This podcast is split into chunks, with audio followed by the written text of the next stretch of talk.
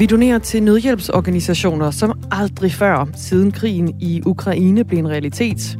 Blandt andet så oplyser Røde Kors, at indsamlingerne til Ukraine allerede har slået tidligere rekorder. Men når man har doneret, så kan man også opleve at blive kontaktet igen af nødhjælpsorganisationen med henblik på at donere lige lidt mere. Vi taler med en, som ikke synes, det er øh, en god fremgangsmåde. Det gør vi om øh, et par minutter. Der er til den historie post fra Emil, der skriver, jeg har afmeldt UNICEF fire gange, men de sender stadig sms'er. Jeg synes, det er svinsk. Jeg er ligeglad med, det er hjælpeorganisationer. Det er kun pengegriske organisationer, skriver Emil. Og Søren fra Horsens, han skriver, Godhedens industri vokser. Husk nu på, at mange lever af det med kæmpe lønninger. Kom nu frem med, hvor meget der går til dem, det egentlig handler om, hvis Søren fra Horsens gerne ved.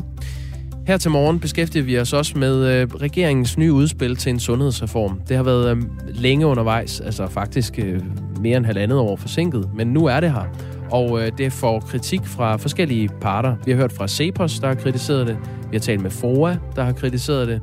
Og øh, der kommer altså også noget kritik fra yngre læger. Fordi for at skaffe bedre adgang til praktiserende læger rundt om i landet, så skal speciallæger under uddannelse blive i øh, lægepraksiserne i længere tid. Det kommer også frem i det her udspil. Og øh, om det er en god idé, det taler vi altså med yngre læger om organisationen. Og det bliver om øh, et kvarters tid. Vi taler også om, øh, at regeringen jo er klar til at forbyde salg af cigaretter og andre nikotinprodukter for alle dem, der er født i år 2010 eller senere. Men det forslag, det deler altså i den grad vandene. Og vi tager i debatten med Socialdemokratiet og Konservative klokken cirka 26 minutter i 8. Og netop det her med forbuddet øh, mod at sælge nikotinprodukter, det er sådan set noget, der har trukket overskrifter lidt rundt omkring. BT, de havde sådan en opsamlingsartikel øh, i, i, de udsendte, tror jeg, i går aftes, mm. sent i aftes. De har trukket overskrifter hele vejen i Indien at øh, regeringen i Danmark nu spiller ud med det her. Helt til Indien? Helt til Indien. Men det er jo også øh, opsigtsvækkende. Som, øh, som Magnus Heunicke sagde i går, så er det kun New Zealand, der har øh, bakset ikke, med, med de tanken har, om De har bakset med tanken, men i hvert fald ikke indført det endnu. Nej, men øh, Danmark kan potentielt blive, øh, blive andet land, hvis øh, New Zealand kommer først. Ja. Derudover kommer vi selvfølgelig også til at give dig seneste udvikling øh, fra Ukraine, altså hvad er seneste nyt. Så det kan du øh, også roligt blive her på kanalen for at, øh, at få. Og hvis du gerne vil i kontakt med os, så er nummeret herinde altså 1424. Du starter beskeden med at skrive et R og et firtal, og så et mellemrum, og så din besked, og så læser vi den muligvis op. Vi bliver i hvert fald glade for øh, alle sms'erne og læser dem alle sammen, men det er altså ikke dem alle sammen, vi når at få med i uh, programmet her. Nej. Uanset skal du vide, at uh, vi sætter pris på, at uh, du kommer med input og indspark. Det bliver meget bedre, når, når du gør det. Her i studiet er altså Dagmar i Møstergaard og uh, Jakob Grosen, og vi hilser dig god toget morgen. Ja, klokken 8.30 minutter over syv.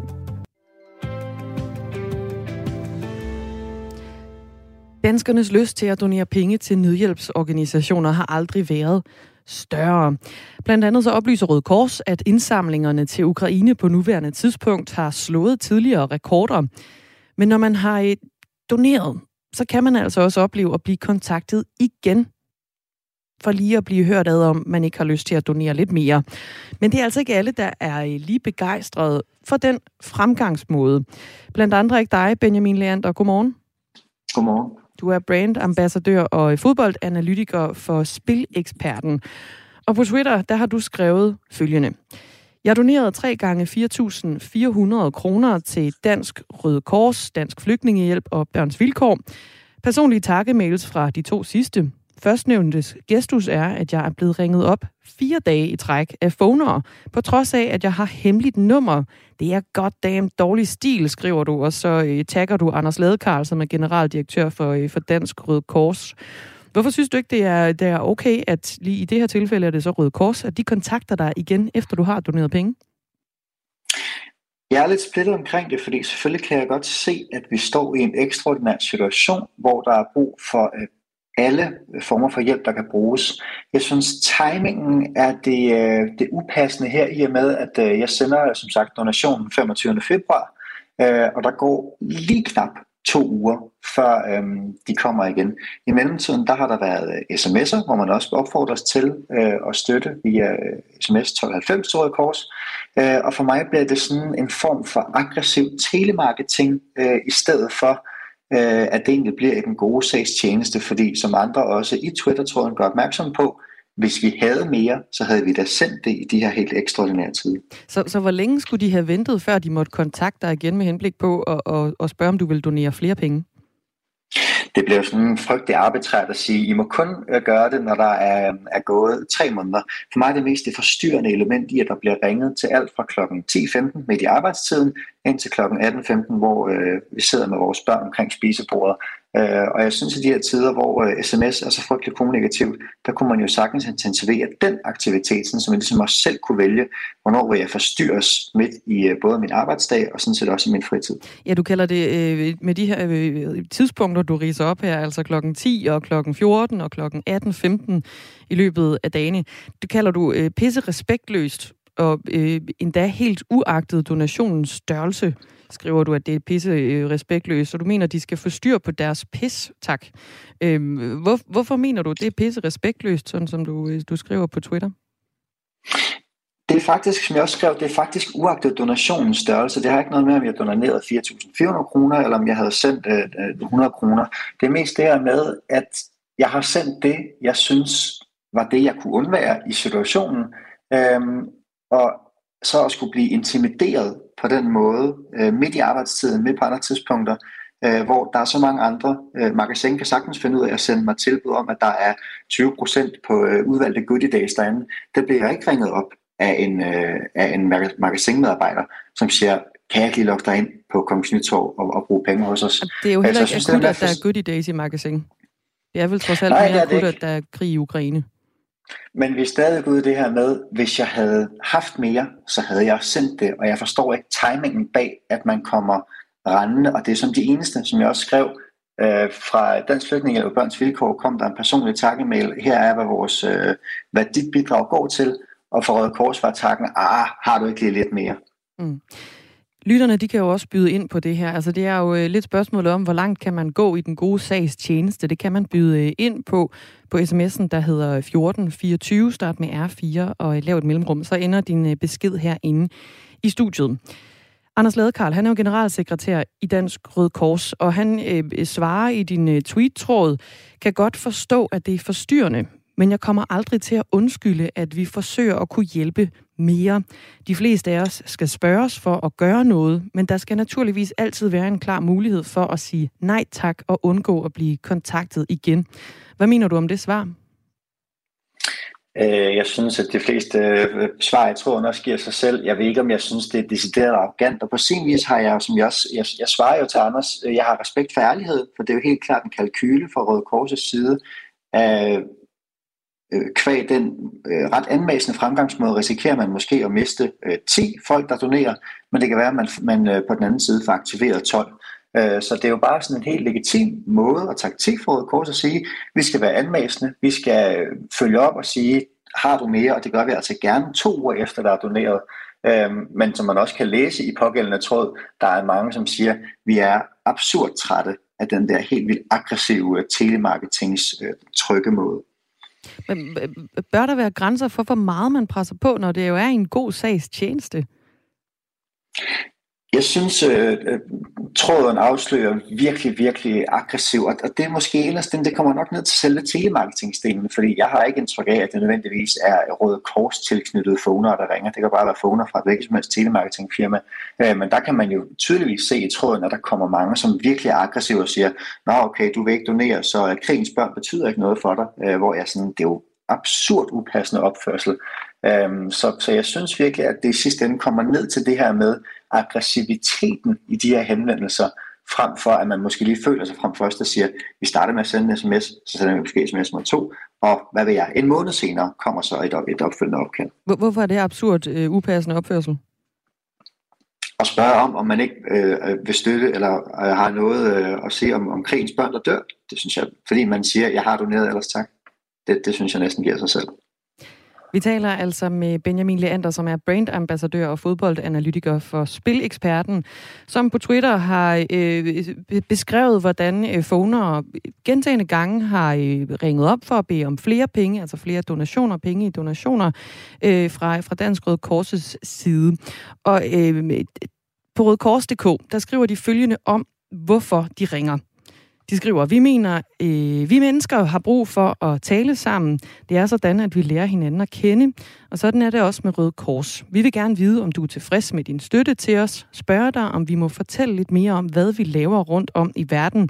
Og høre, om du har lyst til at støtte fast hver måned. Sådan, at vi sammen kan gøre en forskel for øh, mennesker i nød. Er det en fair forklaring? Det er en rigtig fin forklaring på papiret, og som sagt, det er jo også det er jo øh, svært at stå her og være den sure på nødhjælp øh, i tider, hvor øh, der falder bomber nærmest lige øh, om i vores baghave. Øh, men jeg synes bare, at det er fair at, at øh, stille sig kritisk over for fremgangsmåden øh, i de her øh, donationstider, når der, når der går så lidt tid fra, at man kommer rendende igen. Øh, og også sådan aggressiviteten blandt de her opkald, måden de falder på, øh, og sådan helt uden øh, nogen form for forståelse for, hvornår det egentlig man ringer og forstyrrer, enten med din arbejdsdag, eller som sagt midt i, midt i aftensmaden. Og så vil man sige, at okay, dem der sidder i Ukraine har måske ikke lidt tid til at blive forstyrret midt i aftensmaden. Det gør de altså også med bomber. Men nu er det bare ikke i Ukraine, vi sidder, det er i Danmark, og jeg synes godt, at man kan tillade sig at stille spørgsmålstegn ved, hvornår nok er nok i forhold til aggressiv fremgangsmåde. Men kan man ikke bare sige til dem, jeg har simpelthen ikke øh, tid lige nu, øh, kan du ikke ringe på et andet tidspunkt, eller lade være med at ringe i øvrigt? Jo, det kan man sagtens, men når først telefonen ringer, så står man jo der med, den man har ligesom øh, øh, taget, øh, fået forstyrret sit, øh, enten sit arbejde eller sin aftensmad, eller hvad det nu måtte være. Øh, og jeg synes, det er det implicit er en taktik, der handler om, at vi skal ringe og insistere på at, ligesom at, øh, at gå folk lidt på, øh, på dørene. Det, det synes jeg også på en eller anden måde bliver uklædeligt. Røde Kors har jo slået alle tidligere rekorder på bare et par uger med indsamlingerne til Ukraine. Så, så øh, kan man ikke måske sige, at det så retfærdiggør øh, den her fremgangsmåde med de her rekordhøje bidrag? Jo, det var det, jeg sagde før. Det er jo tydeligvis en kalkyle at sige, jamen det er muligt, at der sidder nogen som Benjamin og bliver øh, pikeret og, øh, og irriteret over øh, vores fremgangsmåde. Jeg synes måske også bare lidt, at det er sådan, at taknemmeligheden i det at sige, uanset om jeg har doneret 100 eller 4.400 kroner, så et tak for din donation. Men pointen er jo sådan, vi kan se, du har doneret, har du lyst til at give mere. Øh, og på en eller anden måde tror jeg bare, det trigger noget i, øh, i os som, øh, som forbrugere og som, og som donorer, at sige, at det er enormt respektløst, øh, og, og, og det bliver sådan, ja, det bliver på en eller anden måde bare sådan frastødende, som gør, at man siger, ej okay, prøv lige at styre en smule. Benjamin Leander, vi ville jo enormt gerne have rettet din kritik videre til, til Røde Kors og forsøgt at få et, øh, et svar fra dem. Og vi har også forsøgt øh, at få dem til at stille op til et interview for at forklare deres metode øh, til at få nogle, nogle faste bidragsyder. Men det lyder altså øh, fra Røde Kors. Vi henviser til Isobro, som sætter rammerne for indsamling herunder telemarketing. Røde Kors ved godt, at øh, flere retter kritik mod dem den her morgen, men forklaringen på strategien skal ifølge dem selv altså findes hos Isobro, som er indsamlingsorganisationernes brancheorganisation. Vi har så talt med Isobro, og de siger, at det er Røde Kors, der samler penge ind, og derfor så henviser de tilbage til Røde Kors. Men Røde Kors siger, at øh, de ikke har yderligere kommentarer, så den, øh, den er ligesom parkeret der. Benjamin Leander, hvis du nu selv kunne vælge en opskrift på, hvordan man skulle gøre det her som en nødhjælpsorganisation, hvordan så du så, at man, man lavede en, en fremgangsmetode nu, når det ikke er fedt at blive ringet op igen og igen? Som jeg sagde, jeg har intet mod at blive forstyrret via sms. Det gør jeg på alt muligt andet. Jeg får at vide dagen før, jeg skal til frisør. Hej, det er noget tid til at, øh, at skulle til frisør. Så kan jeg få at vide øh, fire uger efter, øh, er det måske tid til at bestille tid på ny. Jeg synes, det der med at respektere, at folks øh, enten arbejdsliv eller især privatliv øh, nødig skal krænkes. Og så er jeg med på, at det er telemarketing, øh, og at det i øvrigt også er velgørenhed, som man ligesom skal ind og, øh, og prikke til nogen. Men jeg vil langt hellere foretrække sms'er for at blive mindet om, hej, det er måske tid til at støtte igen, end at skulle irriteres af de her øh, opkald, der falder på ja, bogstaveligt talt alle tider af døgnet. Så øh, sms, skriftlig kommunikation, øh, måske i gang Røde Kors app, hvor man kunne øh, få notifikationer der. Jeg synes bare, at selve opkaldsdelen er klart den mest irriterende del af det, kombineret med den her sådan fornemmede øh, utilfredshed, skråstræk grådighed, der kommer, når man under to uger efter, i mit tilfælde en lidt større donation, går ind og igen siger, ah, har du ikke lidt mere på kistebunden, du kunne være? Sidder Røde Kors, Monstro eller andre nødhjælpsorganisationer og lytter med derude, så er dit øh, råd i hvert fald givet videre, Benjamin Leander. Tak fordi du var med. Velkommen. Brandambassadør og fodboldanalytiker for Spileksperten. Høj, der er kommet rigtig mange gode øh, reaktioner på sms'en. Øh, det her, det er virkelig noget, som øh, man kan relatere til. Det, det, det, det er jo noget principielt i det her. Altså, helliger, eller det, at den gode sag, øh, at det er den gode sags tjeneste, er det så, gør det det okay, at man presser ekstra meget på, og øh, måske belemmer folk lidt mere, end, end folk har lyst til, efter de har doneret? Claus fra Ringsted skriver, helt enig med Benjamin. Jeg blokerer konsekvent telefonnummer og bortfiltrerer e-mails, når de begynder på det der. Godmorgen fra Claus fra Ringsted. Det er usmageligt, de kontakter folk og giver dem dårlig samvittighed, er der også en, der skriver ind med sådan en uh, sur smiley efterfulgt af den. Dårlig opførsel uh, retfærdiggør ikke uh, situationen. Og øh, Tine skriver, når man ved, hvor mange af de donerede penge, der går til administration og lønninger, får man lidt andet syn på NGO-verdenen. Desværre. Kan vide, hvor meget ekstra, der kunne gå til nødhjælp, hvis man tog facerne af gaden og lukkede telemarketingcentrene. Anne skriver, jeg er også blevet ringet sønder og sammen efter donationer, gerne midt i arbejdstiden. Jeg sagde den ene gang, øh, den ene gang til den, øh, den ene gang til den anden efter den, Nej, jeg sagde til den, der ringede. Jeg vil ikke have, I ringer til mig på det tidspunkt, jeg er faktisk på arbejde. Hvortil han svarede, det er der også. Og det var ikke for sjov. Uff, øretæveindbydende, hva'?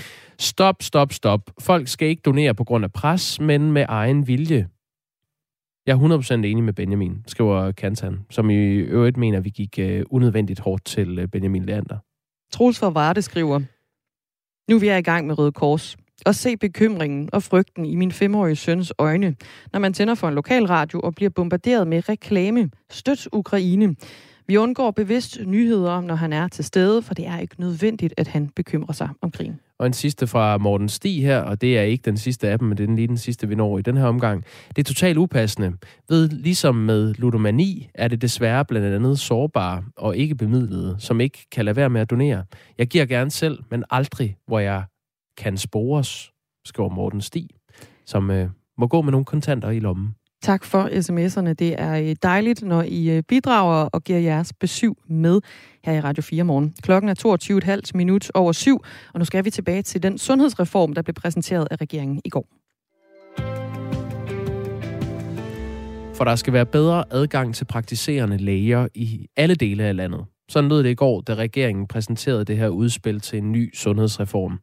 Som situationen er i dag, så lever over en halv million danskere i områder, hvor adgangen til en praktiserende læge er, øh, som man kan karakterisere det, under pres. Derfor foreslår regeringen, at yngre læger, som er ved at uddanne sig til speciallæger i almen medicin, skal blive længere tid ude i lægepraksiserne. Helga Schulz er formand for Yngre Læger. Godmorgen. Godmorgen. Hvad synes du om det? Jeg tror godt, at det kan være en del af løsningen. Øhm, altså først og fremmest så er vi rigtig glade for fokus på det her problem, for det er et oplagt problem, at der er borgere i Danmark, der ikke har, har, har god adgang til, til praktiserende læge, så det er rigtig godt, der kommer fokus på det. Når det så er sagt, så er vi sådan grundlæggende skeptiske, når man bruger øh, videreuddannelsen, altså læger, der skal blive speciallæge, bruger deres, deres tid på at, at, at, at dække lægedækning, altså at løse lægedækningsproblemerne. Hvorfor er det et problem? Fordi at det vi gerne vil have fokus er på, det er, at der bliver givet den bedst mulige specialistuddannelse. Forstået på den måde, at det vi mangler i Danmark, det er speciallæger i almen medicin. Altså læger, der har været igennem et femårigt forløb, hvor de er blevet øh, klar til at sidde selvstændigt og passe en praksis. Men at flytte rundt på, hvor man får sin uddannelse, alt efter hvor der mangler læger. Det kan være problematisk, men det behøver ikke være det. Så det vi er meget spændt på nu, det er det, som regeringen også øh, skriver i deres udspil. Det er graden af, af inddragelse. Altså når man kigger på de mennesker, der er vant til at uddanne praktiserende læger, at de bliver inddraget, de faglige organisationer, øh, og speciale selskaberne, at de bliver inddraget, når man kigger på, når vi omlægger lægernes øh, uddannelse, så de skal være mere på hospital, øh, mindre på hospitalerne og mere i praksis. Hvordan sørger vi så for, at de stadig bliver dygtige almindelige medicinere? Tror du, det, det her det kan være nok til at løse udfordringerne med, øh, med lægemangel? Det er jeg helt sikker på, at det ikke kan. desværre. Hvorfor? Men, men med forstået på den måde, at, at vi har jo været i gang med det her i mange år, og det her det er et af elementerne, og, og man skal også retfærdigvis sige, at der er også andre elementer i, i regeringens udspil. Noget af det, vi har, vi har, har arbejdet for, det er først og fremmest, at man i det hele taget uddanner flere, og det er man gået i gang med. Man har skruet op for antallet af læger, der kan få lov at få den her uddannelsesstilling og blive, øh, blive praktiserende læger. Og noget af det andet, man så kan kigge på, det er også at fastholde de ældre. Nogle af dem, der går på pension nu, de går på pension, fordi de synes, arbejdet er for hårdt, fordi de ikke kan få lov at gå ned i tid. Øh, og der kunne man godt kigge på, hvad skal der til for, at I bliver øh, længere tid øh, på arbejdsmarkedet. Og noget af det andet, vi faktisk også kan se, det er, at nogle af dem, der uddanner sig til almindelige medicinere, de arbejder ikke ude i praksis. De arbejder inde på landets sygehuse eller helt andre steder. Og der tror jeg også, som regeringen også øh, øh, nævner, der kunne man godt kigge på, om man kunne få nogle af dem tilbage til at arbejde øh, i almen praksis. Så, så der er andre skruer, man kan skrue på, end lige den her med, med omlægning mm. af hoveduddannelsen, øh, som, som, som godt kan give mening. Også øh, praktiserende lægers organisation, hvor formanden hedder Jørgen Skadborg, har reageret på udspillet til den her sundhedsreform. I en pressemeddelelse skriver han, at han glæder sig over det nye sundhedsudspil, men at han desværre må sige, at forslagene ikke er i nærheden af at løse manglen på praktiserende læger. Han mener, at der skal uddannes langt flere praktiserende læger. Der skal mm. øh, uddannes 400 flere per år, hvis man skal i mål med at sikre Danmark 5.000 praktiserende læger, hvilket Jørgen Skadborg så tilføjer er nødvendigt for at klare fremtidens udfordringer i sundhedsvæsenet. Han opfordrer derfor regeringen og Folketinget til, som en del af den her sundhedsreform, at forpligte sig på, øh, på målsætningen om, at man øh, godt om, om godt 10 år skal være 5.000 almen praktiserende læger, og at man omgående øger uddannelseskapaciteten til 400 hoveduddannelsesstillinger, som det hedder, om året. Så det er altså nogle øh, tiltag, som skal sikre, at vi når op på 5.000 øh, praktiserende læger i Danmark. Er det her en betragtning, du deler? Ja, det giver rigtig god mening at sige, at det, der er brug for, det er, at der er flere øh, praktiserende læger, og de skal have en specialistuddannelse. Så, øh, så ja, der skal helt klart uddannes flere, men det, der er problemet, det er jo, at vi lige nu og her står med et problem med, at der er læger, eller der, der er mennesker, der ikke har adgang til en praktiserende læge. Og der er det her lidt mere et snuptag. Nu er der aldrig noget med, med uddannelse af speciallæger, der er et snuptag, men det kan gå hurtigere. Det tager jo fem år 6, hvis man tager, tager starten med, øh, altså 5-6 år at uddanne en, en, en speciallæge i almen medicin. Så selvom man begynder at skrue op for det antal nu, så går der mange år, inden, inden de er der. Og mens vi venter på det, så er man nødt til at gøre nogle andre ting. Og der kan det her med omlægning af hoveduddannelse, øh, det kan sagtens blive godt. Man kan sige, at, at blandt vores medlemmer, som skal være almindelige medicinere, der er det sådan næsten 50-50, hvordan man tror, man får den bedste uddannelse. For nogen giver det mening at være mere ude i praksis og, og hælde i sig det arbejde, og nogen siger, at vi vil gerne være lidt mere tid inde på sygehuset, inden vi skal tilbringe resten af vores liv ude i en praksis. Så, så, så, så, så det er 50-50. Så nu, nu er det vigtigt for os, at, at, at man inddrager de relevante parter, når man laver den her omlægning, øh, mm. sådan så at der kommer nogle dygtige specialister ud i den anden ende. Helga Schultz, vi har halvandet minut tilbage, så jeg vil bede dig om at, at svare øh, kort og koncist på de næste to. Jeg vil gerne lige øh, læse to sms'er højt for dig. Den ene ja. kommer fra vores lytter, den gamle lektor. Det er altså voldsomt svært at se fornuften i, at den yngre læge, der målrettet går efter speciale, som for eksempel kræftlæge, skal bruge en del af sin korte uddannelsestid på at sidde i almen praksis og diskutere fodvorter og udslæt. Det får vi både dårligere speciallæger og praksislæger ud af, skriver den gamle lektor. Jeg er fuldstændig enig, og det er heller ikke det, der står i det her forslag den frygt, der er beskrevet i den sms, det handler om det gamle forslag om tjenestepligt, og det er det, vi har været med til at sørge for at blive taget af bordet. Og det, der kommer her i stedet for, som man så kalder praksispligt, det er læger, der har sagt, vi vil gerne være specialister i almen medicin, og på vej derhen tilbringer vi så mere tid i praksis end inde på sygehuset. Alright. Så det giver god mening. 30 sekunder tilbage, Helga Schulz. Helt kort. Mm. Har yngre læger en økonomisk fordel i at arbejde på hospital versus praksisklinik? Er der en, der spørger? Nej, det gør ingen forskel. Tak fordi du var med i Radio 4 morgen. Selv tak. Og fordi du fattede dig i korthed. Helga Schultz, som er formand for Yngre Læger. Vi kommer til senere her til morgen at tale med øh, sundhedsminister Magnus Heunicke om regeringens nye udspil til en øh, sundhedsreform. Og der tager vi også en del af den kritik, der er blevet løftet her til morgen med videre. Ja, og lige om lidt, så skal vi altså runde en anden del af det her sundhedsudspil. Det handler selvfølgelig om øh, forbuddet mod øh, rygning og nikotinprodukter for folk født efter 2010. Klokken er halv otte.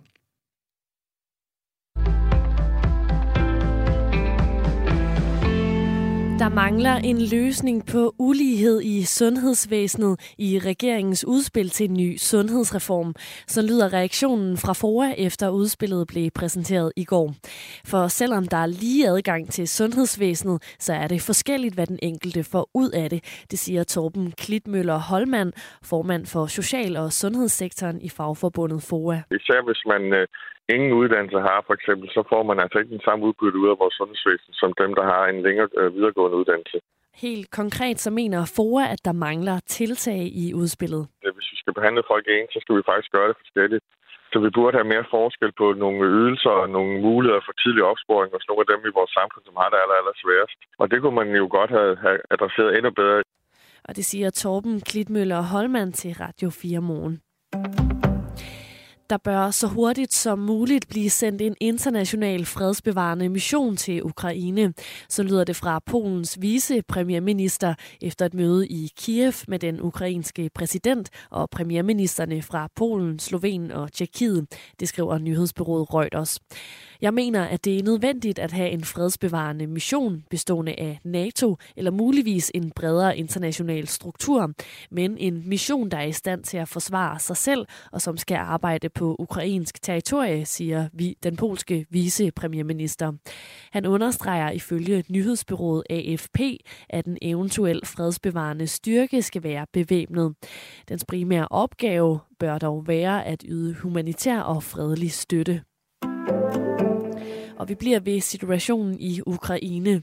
Russiske styrker har angiveligt taget omkring 500 mennesker som gisler på et hospital i Mariupol. Det er sket under endnu et angreb på den ukrainske havneby, siger regionens guvernør. Det skriver nyhedsbyrået AP. Gisseltagningen skulle være begyndt sent i går aftes. Ifølge guvernøren så er det både patienter, sundhedsfagligt personale og naboer til hospitalet, der er blevet taget som gisler. Det er umuligt at forlade hospitalet. De er under voldsom beskydning, siger guvernøren ifølge AP. Der er umiddelbart ingen meldinger om døde eller sårede, men guvernøren opfordrer verdensledere til at reagere på disse grove krænkelser og voldsomme forbrydelser mod menneskeheden. Pfizer-BioNTech har søgt, søgt om en nødgodkendelse af et fjerde, øh, fjerde stik med deres coronavaccine til personer over 65 år i USA.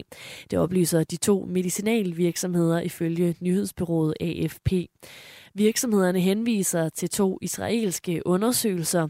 De viser, at et ekstra boosterstik øger immuniteten og sænker antallet af smittetilfælde og alvorlig sygdom. Ifølge undersøgelserne vil hyppigheden af smittetilfælde være to gange lavere, og frekvensen af alvorlig sygdom vil være fire gange lavere hos personer, som er blevet revaccineret to gange, sammenlignet med personer, der kun har fået et ekstra stik. Flere lande i Europa har allerede godkendt et fjerde stik til udsatte personer og ældre. I januar der begyndte Danmark at tilbyde udvalgte personer med svært nedsat immunforsvar et fjerde stik. Og så et kig på vejret, og den, det, vejret starter ud her til morgen med udbredt tåge, men det klarer op i løbet af formiddagen med lidt eller nogen sol flere steder. Temperaturen den ligger et sted mellem 7 og 12 grader, og vinden den er svag til jævn fra øst og sydøst. Det var nyhederne her klokken halv otte med Sofie Levering.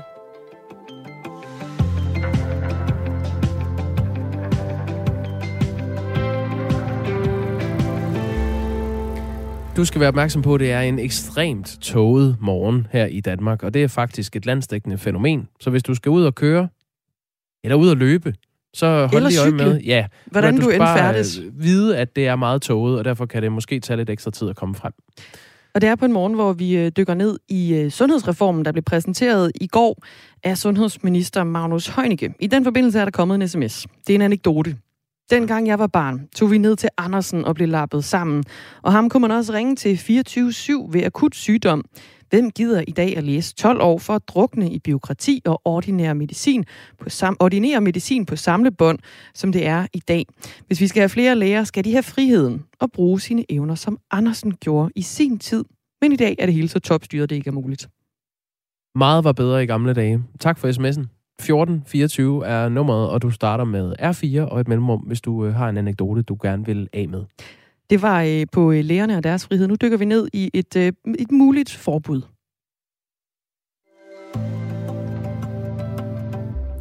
Regeringen er nemlig klar til at forbyde salg af cigaretter og alle andre nikotinprodukter for alle, der er født i år 2010 eller senere end det.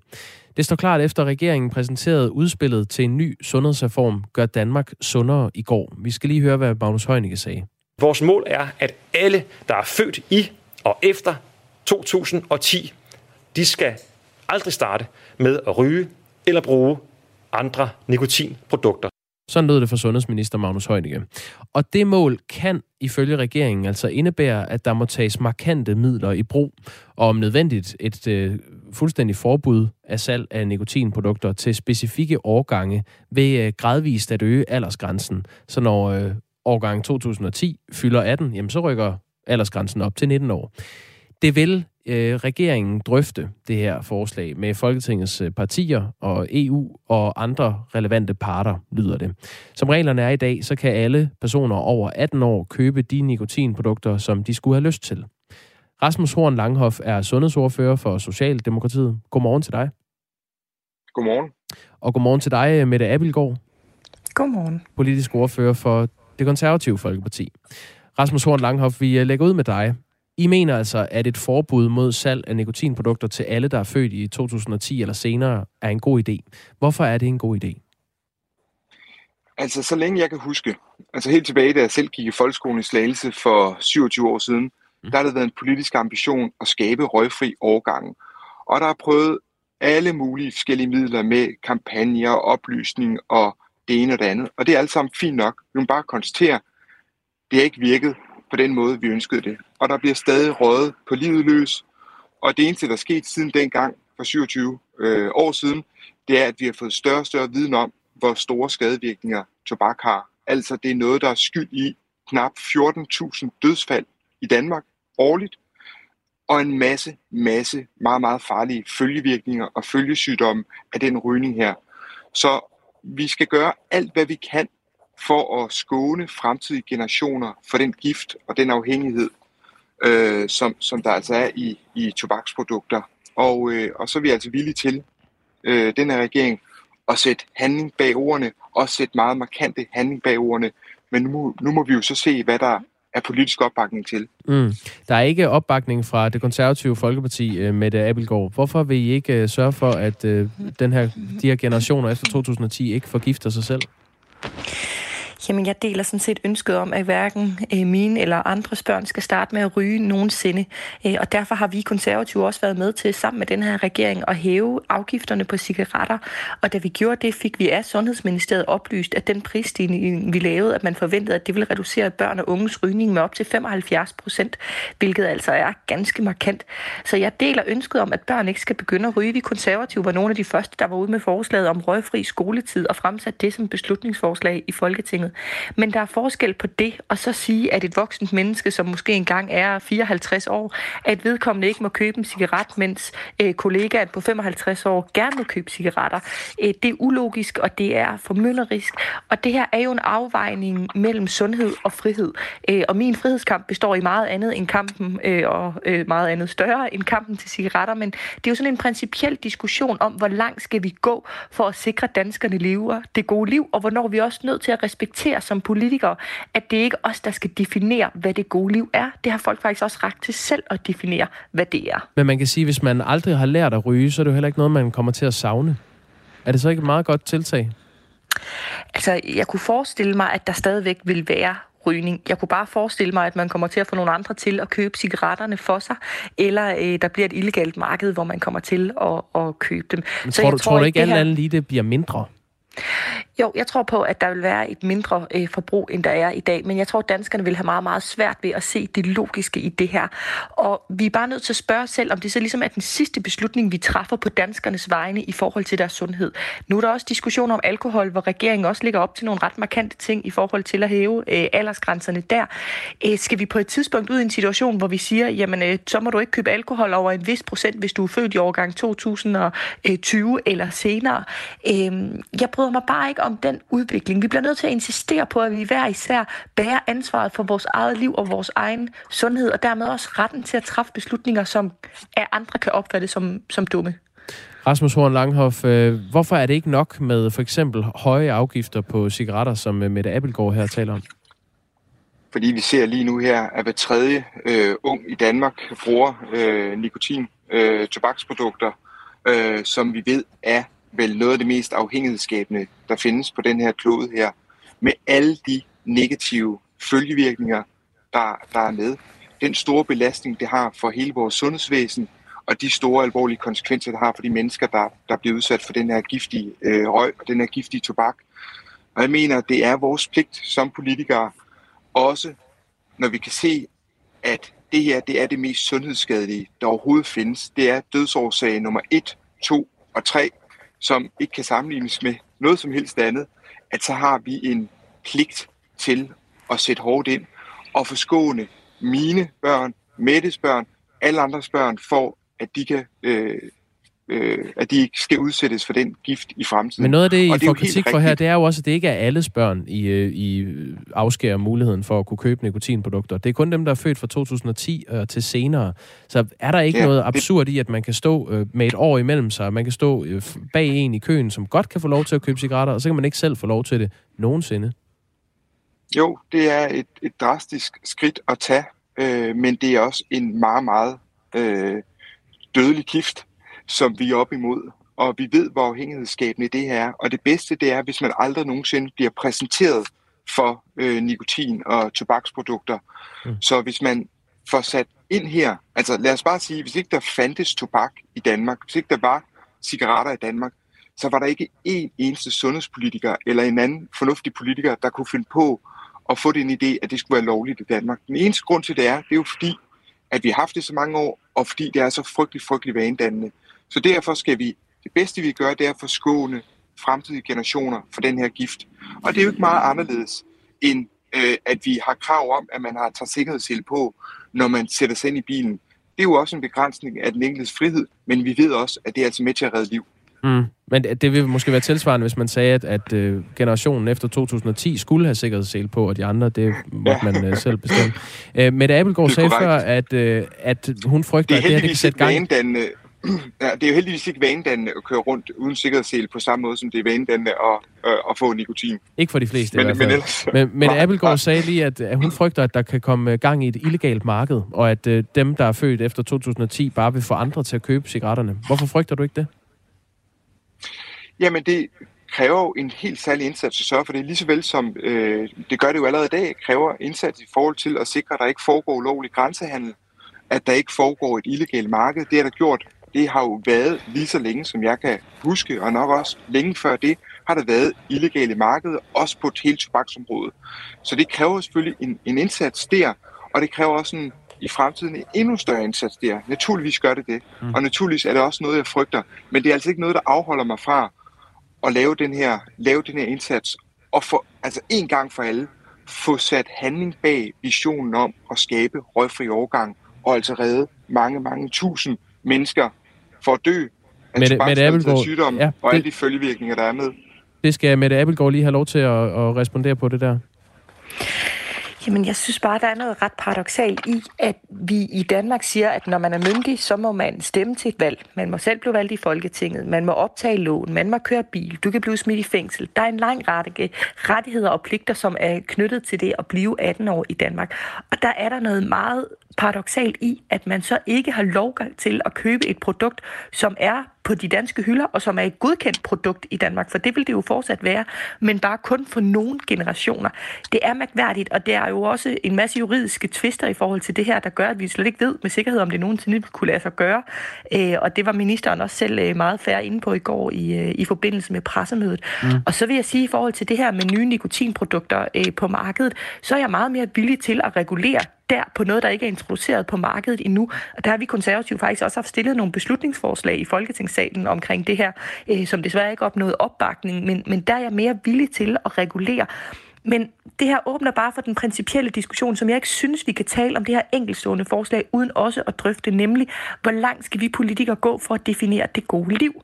For er vi ikke nødt til at respektere, at der kan være et menneske, som når man ligger på sit dødsleje og gør livet op, vurderer, at man har fået mere øh, lykke tilført ved at ryge de cigaretter, man har gjort i sit liv, end man øh, har ulykke over at have mistet nogle leveår. Altså, det er, jo, det er jo et svært, og det er jo et etisk og et moralsk spørgsmål og alt muligt andet. Jeg tillader mig bare at spørge, om det altid er os politikere, der ved bedst, hvad der er det gode liv for den enkelte. Det vil jeg våge påstå, at det ikke er. Mm. Og derfor skal vi passe på med at træffe beslutninger på danskernes vegne, når det gælder sundhed. Rasmus Horn Langhoff, jeg læser lige en sms op fra øh, vores lytter Jimmy Gellert. Han er ryger. Han skriver, er selv ryger. Fjern smøger fra markedet, så må man jo holde op med at ryge. Det vil være dejligt. Jeg har selv prøvet at stoppe mange gange, skriver Jimmy Gellert. Hvis det øh, er så vigtigt at øh, sikre, at øh, folk ikke dør af, af rygning og relaterede sygdomme dertil, hvorfor så ikke forbyde øh, cigaretter og nikotinprodukter helt for alle? Fordi vi ved, at der er så mange allerede i dag, som desværre er frygtelig afhængige af den her gift her. Og rigtig mange rygere og folk, der har nikotinprodukter, de vil jo faktisk gerne stoppe, men det er så hulen svært for dem at stoppe, fordi det er så afhængighedsskabende. Så, så vi skal gøre rigtig meget også i forhold til at blive endnu bedre til at hjælpe med rygestop og alt, hvad vi kan. Men det bedste, vi kan gøre, det er at sørge for, at vores børn aldrig nogensinde bliver præsenteret for muligheden for at udsætte sig selv for den her gift. Lad os lige prøve at høre fra øh, forkvinden i Dansk Ungdoms Fællesråd. Hun hedder Christine Ravn Lund, og hun vil også gerne have, at færre unge ryger. Men, siger hun. Generelt er vi ret skeptiske over for det der med forbud for unge. Altså, jeg mener sådan set, at det umyndiggør unge lidt, og at man sagtens kan tiltro til, at ungdommen kan være ansvarlig og træffe nogle fornuftige beslutninger, også når det gælder rygning. Rasmus Horn Langhoff, hvorfor har du ikke et tiltro til, at unge selv kan træffe de her beslutninger?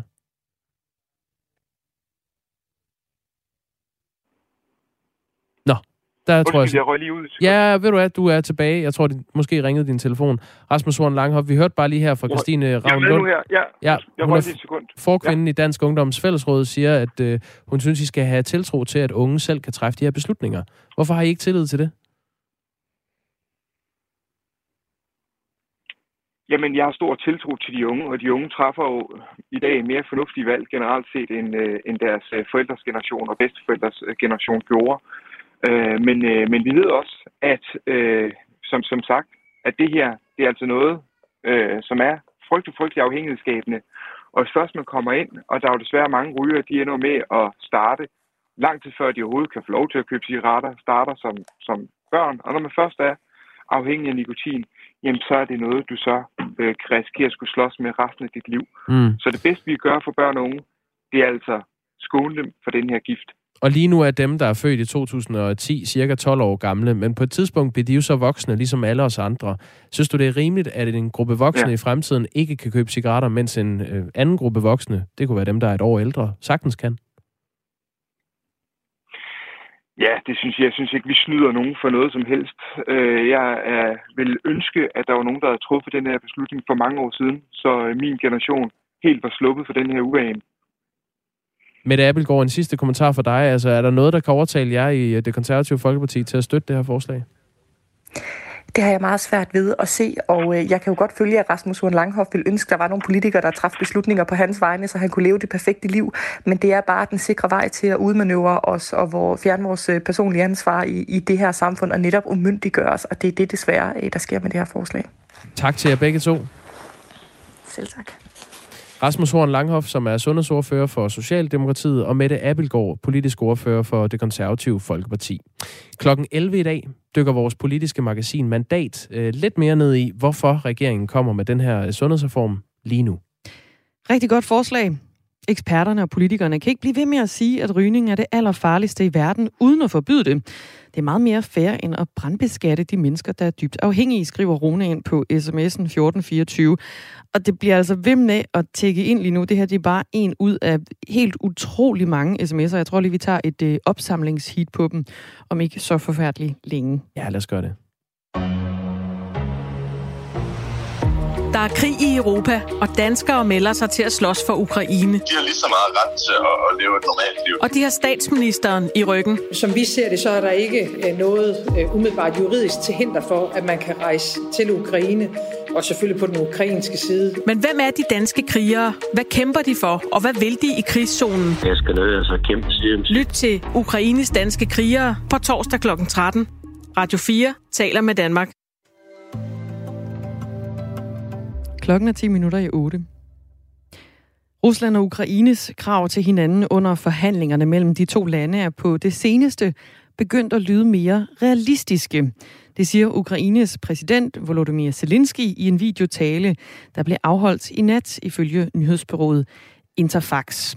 Nu kan jeg sige godmorgen til Rasmus Brun Pedersen. Ja, godmorgen. Lektor ved Institut for Statskundskab på Aarhus Universitet. Ukrainske embedsfolk har øh, indikeret, at kampene i Ukraine kan ende tidligere end forventet. Og det skal øh, angiveligt blandt andet skyldes, at Rusland har indset, at, øh, at det bliver svært at indsætte en ny regering i Ukraine. I hvor høj grad skal det her tolkes som om, at vi rent faktisk nærmer os en fredsaftale, og dermed også en, en, en stopper for, for krigen i Ukraine?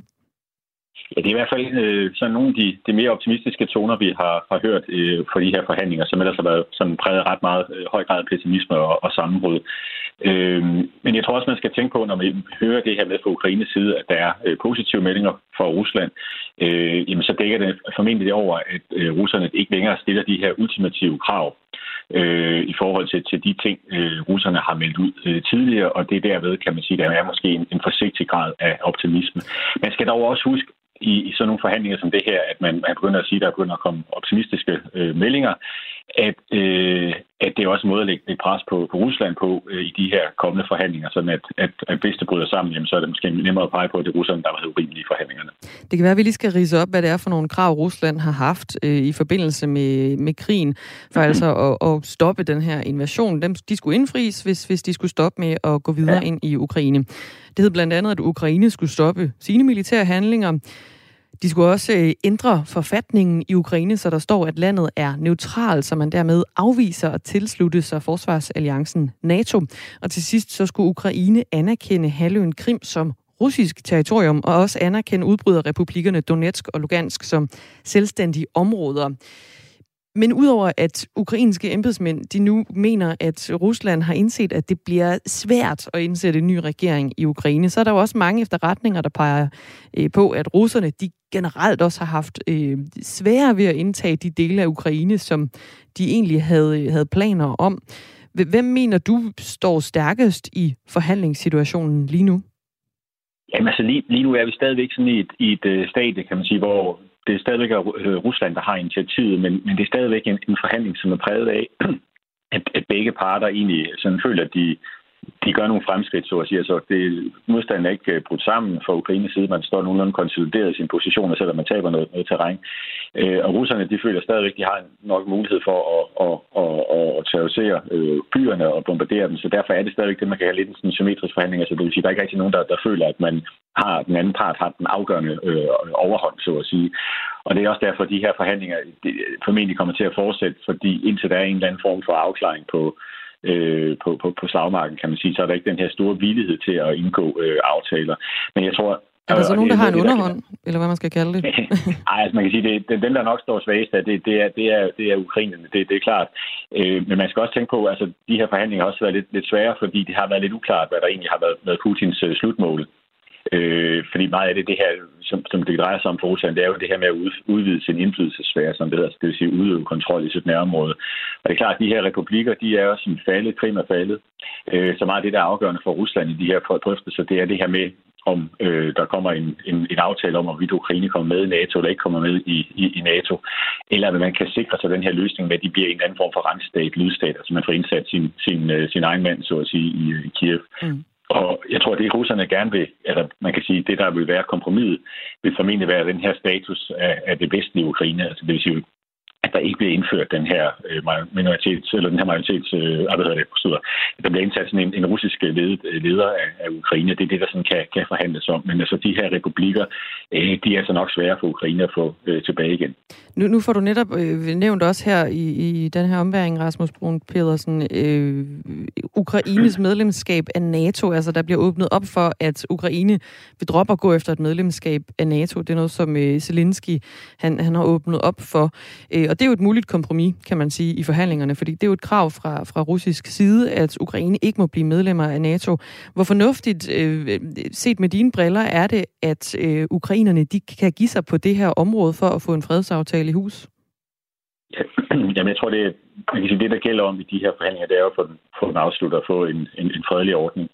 Så jeg tror, det er ret rationelt og fornuftigt for Ukraine, det er at, at forsøge at måske at give sig på det her. Men der, der skal siges noget af det, vi også ser øh, sådan korridoren eller rundt om forhandlingerne her, det er jo også, at der har været massiv pres for, for nogle af de andre østeuropæiske lande på nu, hvor man begynder at snakke om NATO-medlemskab.